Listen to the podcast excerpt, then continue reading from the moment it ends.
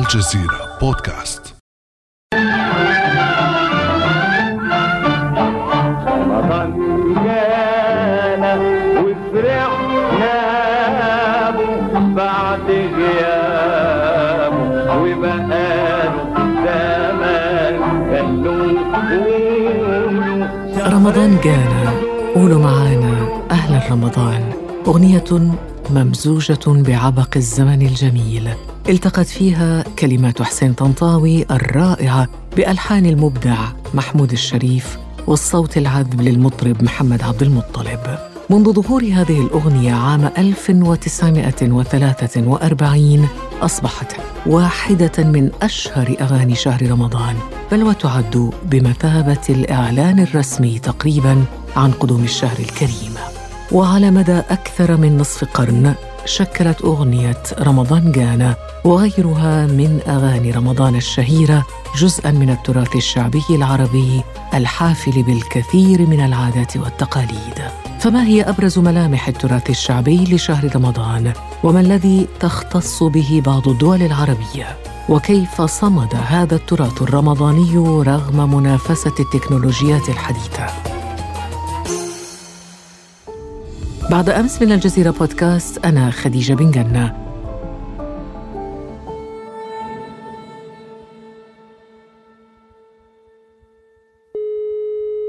أرحب في حلقة اليوم بالحكواتي والمؤرخ التونسي عبد الستار عمامو. سي عبد الستار أهلا وسهلا بك. أهلا وسهلا سيدة خديجة. سعيد جدا بلقائك مجددا في مطلع هذا الشهر الكريم شهر رمضان المعظم. ونحن سعداء بك وبرجوعك لينا بعد سنة. كنت معنا رمضان الماضي ونتبرك بك أيضا في رمضان هذا وكل عام وأنت بخير. رمضان مبارك. يعيشك طول عمر لله ويجعلنا من صيام وقيامه يا رب. يا رب آمين. سي عبد الستار ما رأيك لو تأخذنا في البداية في جولة فنية عبر أنغام أغاني رمضان الشهيرة التي يرددها ولا يزال إلى الآن الصغار والكبار بمختلف الدول العربية؟ لنستذكر معا بعض هذه الأغاني الرمضانية. هو الحق كما قلت في مقدمة البرنامج أشهر أغنية على الإطلاق هي رمضان جانا لسي محمد عبد المطلب لدرجة أنه الناس كانوا في وقت ما حتى في تونس مثلا إذا كان سمعوها ما يستناوش البلاغ الرسمي لدار الإفتاء هي كانت علامة أنه صحت رؤية الهلال ويستبشروا بها برشا وحافظينها الكثير من الناس معناها. ثم فما ثلاثي المرح كان ثبتني ربي زاد في وقت ما في مصر عملوا أغنية حول فانوس رمضان.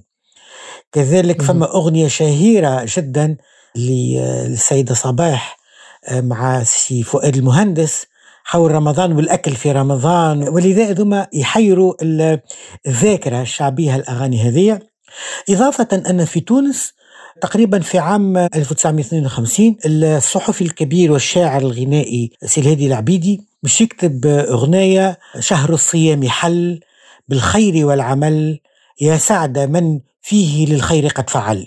ولحنها شيخ الملحنين شيخ خميس طرنان وأدتها بصوتها العذب السيدة صالحة.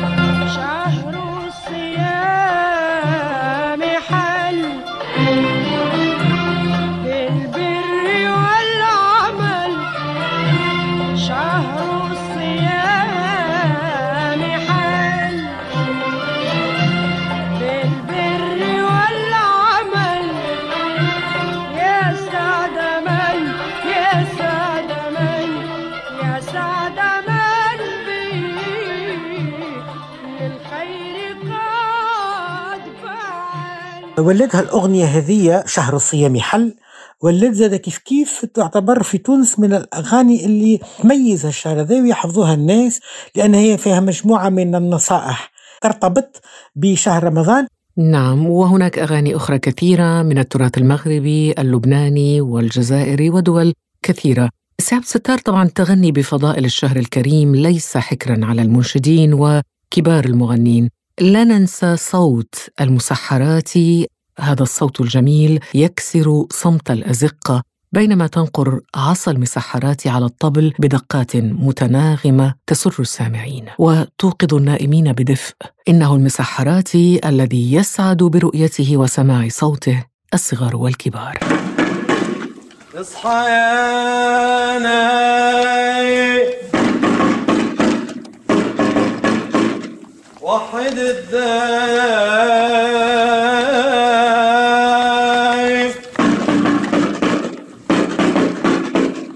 سبح بحمد الله العمر مدايم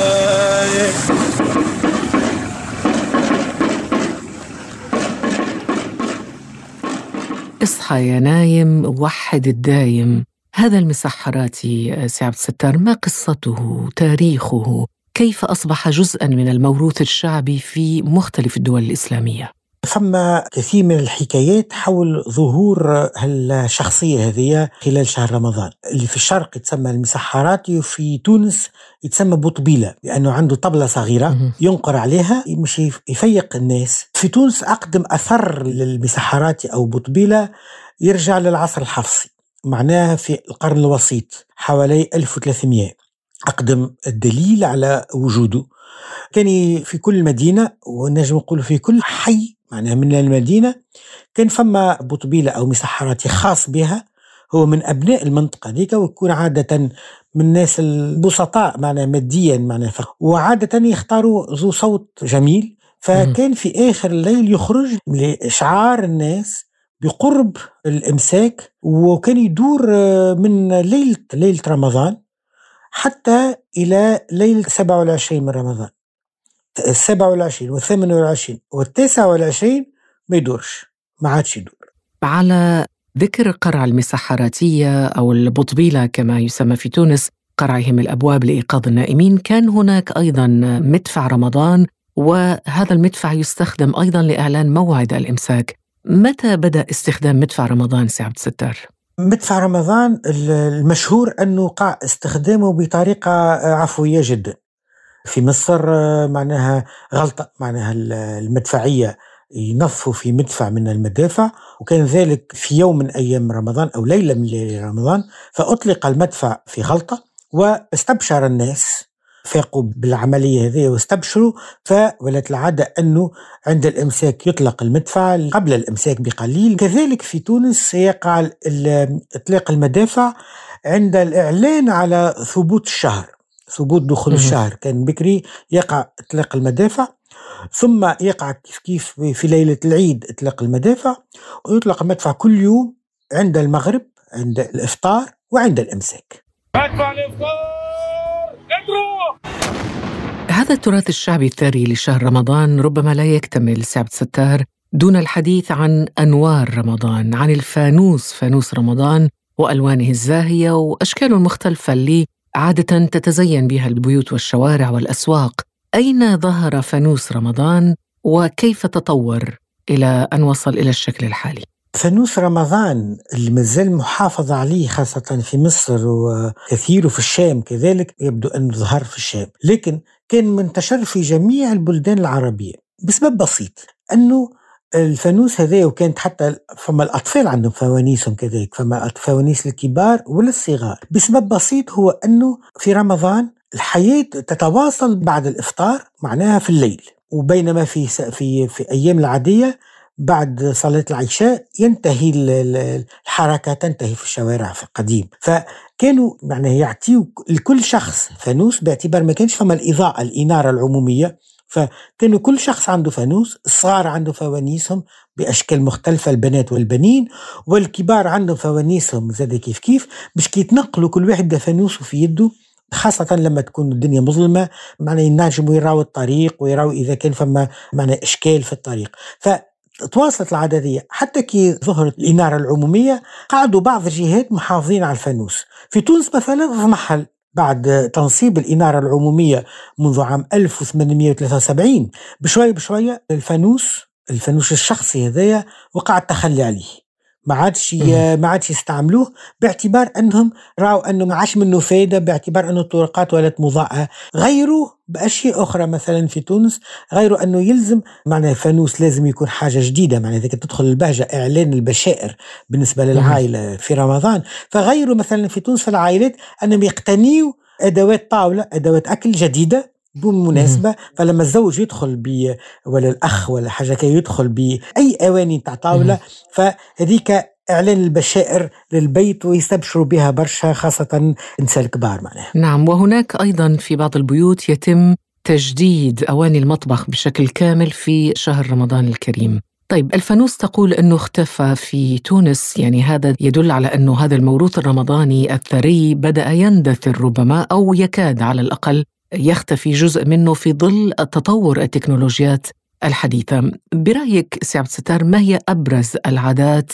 التراثية التي نفتقدها اليوم في رمضان؟ من أبرز العادات الهامة جدا بالنسبة لي أنا في رمضان هي اللي فقدناها تويكا هي خاصة التوادد الأسري معنى الزيارات الأسرية. صحيح توا إحنا نعيش في فترة خاصة وفترة الكوفيد والوباء المنتشر ربي يرفع علينا بركة الشهر الفضيل. لكن قل كثير التوادد الأسري والزيارات اللي كانت معنى تميز شهر رمضان. كذلك الحاجات الأخرى اللي نقصد معنى نقصد كثيرا وقاعدة قاعدة بشوية بشوية تندثر هي في تونس على الأقل نحكي على, على تونس هي الأختام أختام الحديث الشريف. كانت لا يخلو بيت وإلا لا تخلو زاوية أو مسجد من ختم في خلال شهر رمضان ونقول مش ختم القرآن الكريم لأنه ذاك مختوم بالطبيعة بالتراويح لكن ختم الحديث النبوي الشريف فكانت تونس تحتفل بها برشا توا قاعدة تنقص العادة هذه قاعدة اقتصرت على بعض كما جامع زيتون المعمور ولا جامع سوسة الكبير أو جامع صفاقس الكبير وفي بقية الجهات قاعدة تنقرضها العادة هذه للأسف الشديد هل هذا بسبب كورونا أم أنها يعني انتهت أو انقرضت لأسباب أخرى؟ لا هي شوية بسبب الكورونا في السنوات الأخيرة لكن العام الفارط والعام السنة لكن كذلك حتى من قبل فما شيء من النقصان فما شيء من النقصان لأنه الناس فما وسائل الجلب الجديدة اللي هي التلفاز والمسلسلات والحفلات اللي تخلي الناس يتلهوا أكثر في المسلسلات في الأعمال الدرامية اللي ولات تشكل تخمة كبيرة خلال شهر رمضان المعظم. طيب الدراما الرمضانية والمسلسلات والتلفزيون ووسائل التكنولوجيا الحديثة أيضا قضت على ظاهرة حكواتي سعد ستار. صحيح إلى حد ما. إلى حد ما لكن آه، الحكواتي المباشر معنى اللي كان يجلس في مقهى ولا يجلس في مكان معين ويجيوه الناس خصيصا في خلال سهرات ليالي رمضان التمتع بحكاياته تحول تويكا إلى هو بيدو إلى حكواتي عبر الإنترنت. وشخصيا هذا عملتها من السنة الفارطة والسنة كيف كيف هو أني نتوجه للناس عبر هكا في سهرات رمضان عبر الوسائل الاتصال الحديثة الوسيلة هي حديثه صحيح. والناس ما عنديش اختلاط بهم مباشرة ما يشوفوني على طريق الهواتف نتاعهم أو الحاسوب. لكن في الأصل المحتوى هو حكايات قديمة اللي نحاول نعاود نحييها ويسمعوها الناس ويتبعوها برشا معناها يتبعوها. نعم. الأشياء التي اختفت أيضا سعد ستار الألعاب الشعبية الرمضانية. صحيح اختفت. هذه بالمجد اختفت. كانت فما مجموعة كبيرة من الألعاب مثلا في تونس كان فما ليالي رمضان تحيا بكثير من الألعاب سواء للصغار للأطفال أو للكبار. كانت معناها فما ساحات خاصة في تونس كما الحلفاوين وغيرها. هذه ساحات يقع فيها الاجتماع في الألعاب هذه لكن للأسف الشديد هذه بالمجد تقريبا انقرضت. تقريبا انقرضت ما عادش عندها وجود. إيش أشهر لعبة في تونس؟ اللي يسميه تونس الجانيون الرابح هو أنه يحطوا على مرافع يحطوا لعب للأطفال ثم يعطيوا للأطفال البندقيه اللي بك البندقية يرمي على إحدى الألعاب هذيك الموجودة على الرفوف واللي تطيح من الألعاب هذيك يربحها هذيك الربح نتاعو هذاك علاش اسمه الرابح هذه من أشهر الألعاب اللي كانت موجودة في تونس وهذه اندثرت ما عادش عندها وجود. وهناك ألعاب أخرى كثيرة هناك لعبة اسمها المحيبس صحيح. أو إخفاء الخاتم. م- من الألعاب الأكثر شعبية لدى العراقيين هناك لعبة الخربقة وهي م- لعبة شعبية تقليدية أيضا مشهورة في تونس في الجزائر في ليبيا. أيضا في الجزائر هناك لعبة في رمضان تسمى البقالة وهي تعتمد على حل الألغاز. وهناك ألعاب كثيرة في رمضانية طبعا في الخليج ومناطق عربية أو دول عربية أخرى. هناك أيضا سي عبد الستار عادات أخرى في دول عربية أخرى مثلا في قطر في منتصف شهر رمضان يتم إحياء مناسبة تسمى الجرنجعو وتسمى أيضا في البحرين جرجعون وتسمى في عمان جرنجشو ولها أسماء أخرى في دول عربية أخرى. ماذا عن منتصف رمضان والعادات التي ترافق هذا الموعد؟ ساعة القرنقعو لازم تقول لي عليه شنو شنو هي؟ في ماذا يتمثل من؟ سؤال جميل. طيب القرنقع في دول الخليج قبل منتصف رمضان بيوم يخرج الأطفال لابسين لباس جميل تقليدي ويدقون على الأبواب على أبواب الجيران ويعطونهم حلويات وبونبون حلوى ويجمعوا هذه الأشياء مكسرات حلويات فول سوداني ويعودون إلى بيوتهم فرحين. آه حلوة هذه. لا إحنا في تونس ما فماش العاده دي أما ليلة منتصف رمضان ارتبطت أول حاجة بالمناسبات السعيدة عادة الختان كذلك الخطبة إذا كان عنده حد ناوي على خطوبة فيتبرك بليلة النص من رمضان. لكن فما عادة جميلة جدا موجودة كذلك مرتبطة بليلة النص هي أن ليلتها نطيبوا كسكسي عادة كسكسي أو نعصروا معناها حاجة تتكل بالمعرفة. تقليدية. تقليدية. ونخرجوا منها العشاء نتاع المتوفين. معناها قصعة كبيرة ترفع للفقراء في مكان ما اللي يجتمعوا فيه ولا حاجة كي مش يتعشاوا فما كانت. مرتبطة بها عادة جميلة انه الجدة هي اللي عادة هي اللي ربة البيت فتعيط للصغار وقت اللي تجي تعبيك القصعة هذيك من الكسكسي تعيط للصغار نتاع العائله وتبدأ كل. المغرفه تحطها في القصعة من الكسكسي تسميها باسم شخص من المتوفين من العائله هذه مغرفة جدي فلان هذه جدتي فلانة هذا مع عمتي فلانة وإحنا صغار كنا نتسائلوا الناس هذوما ما نعرفوهمش إحنا ماتوا قبلنا وإحنا ما, ما نزلنا ما تولدناش. فنتسائلوا فتقول في الليل تو نحكي لكم عليهم. وبعد شقان الفطر تقعد ندوروا بالجدة ونبدأ نسألوا فيها وهي تبدأ تحكي لنا على الكبار هذوكم العائلة وأنا نلقى في العادة هذه حاجة ياسر جميلة بأنها تربط الماضي بالحاضر. إذا تعريف الجيل الجديد بماضي عائلته. طيب على ذكر الجيل الجديد سي عبد الستار كيف تنظر إلى علاقة الجيل الجديد بهذا التراث الذي نتحدث عنه؟ والله شو نقول لك؟ فما فترة ما جات خاصة نقولوا إحنا في الثمانينات وهذا أتت على تونس كما أتت على شمال أفريقيا ككل على الأقل المكان اللي نعرفه معنا الجزائر والمغرب كذلك. فترة ما كيف اللي جملة التقاليد والعادات كيف اللي ولينا تنسيناهم. ثم في نهاية التسعينات حسينا اللي يبدو أنه فما صحوة حسينا اللي هذا ما يميزنا تراثنا هو الذي يميزنا. فبالتالي صارت عودة كبيرة للتراث هذايا لإحيائه من خلال الفن من خلال الأغاني من خلال الحكايات من خلال المسرحيات من خلال كل ما هو عمل فني وكذلك إحيائه من خلال إحياء الترابط الأسري. تحس أنه الشباب عامة عنده على الأقل في رمضان ينتمي يولي ينتمي. حتى كان هو في سائر الأيام وبقية أيام العام أقل شعور بالانتماء في رمضان يتجلى ذلك الانتماء هذا يتجلى مليح جميل طب أنت سي عبد الستار ما هي أقرب عادة تراها يعني قريبة منك وتحث على الحفاظ عليها؟ هو زيارات العائلة في ليالي رمضان محاولة الزيارة وإلا محاولة استضافة أفراد العائلة على العشاء على طاولة رمضان. أنا العادة هذه متمسك بها جدا ولا زلت متمسك بها وإن شاء الله ربي يعطينا طولة العمر ونزيدوا نتمسكوا بها أكثر. يا رب. لأن بالحق تربيت بفكرة في عائلتي يقولوا أن صلة الرحم تطيل العمر. جميل. فأطمع في أن يكون عمري طويل فهيك علاش رب. لا ما شاء الله عليك. طيب صلة الرحم جميلة لكن الأجمل أن تكون صلة الرحم حول مائدة إفطار رمضانية يعني بها ما لذ وطاب. خلينا شوية نعرج في الأخير. سيسيل لعابنا لما سنسمعه منك ولكن عادة في رمضان ما هي أشهر الأطباق خصوصا الأطباق التقليدية التي يعني تقدم في شهر رمضان؟ فما في تونس فما العديد من الأطباق التقليدية لكن أشهر طبق هو أكلة لا تغيب على معنى الطاولة في شهر رمضان المعظم هي البريك البريك اللي هي كلمة تركية تفيد ورق معنى من العجين. وفي تونس البريك هو الورق نتاع العجين ذاك نسميه ملسوقة والبريك هي أكلة متكاملة ورق العجين هذايا اللي نحطوا فيه شيء من اللحم المفروم والبقدونس والبصل وال- وال- والبيض وتقلى في الزيت. عندنا أكلة اسمها البوليس المكتف. معنى ال- الشرطي ال- وليش مكتف؟ تعرف هذه يبدو يبدو لي لما بحثت عليها الأكلة هذه يبدو لي أن تعمل زمن الاستعمار الفرنسي لأن. سموا البوليس لأنه بتعرف وقت الاستعمار نا- إحنا الشرطة نسميهم آه، لكن هم يسميهم البوليس فكأني يتمنوا ببركة الشهر الفضيل أنه الشرطة الفرنسية اللي كانت شرطة استعمارية وقتها أنه يقع تكتيفهم. إذا هناك قصة وراء كل طبقة وأكلة يعني هناك حراق إصبعه مثلا في دول المشرق هناك إصبع العروسة في الجزائر. صحيح. فأكيد وراء كل أكلة هناك يعني قصة تقف وراء ال- حكايه صحيح. التسمية أو حكاية كما قلت. نتمنى لك رمضان مبارك وجميل وسعيد ولذيذ.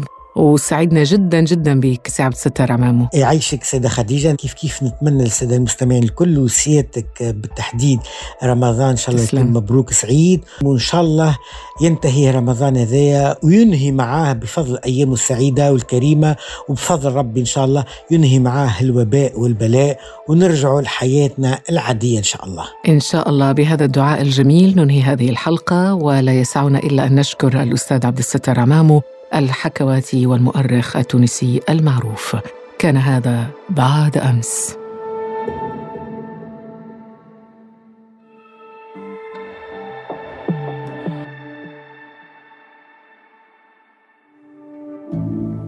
ابقى على تواصل مستمر مع الجزيرة بودكاست ولا تنسى تفعيل زر الاشتراك الموجود في تطبيقك لتصلك الحلقات يومياً.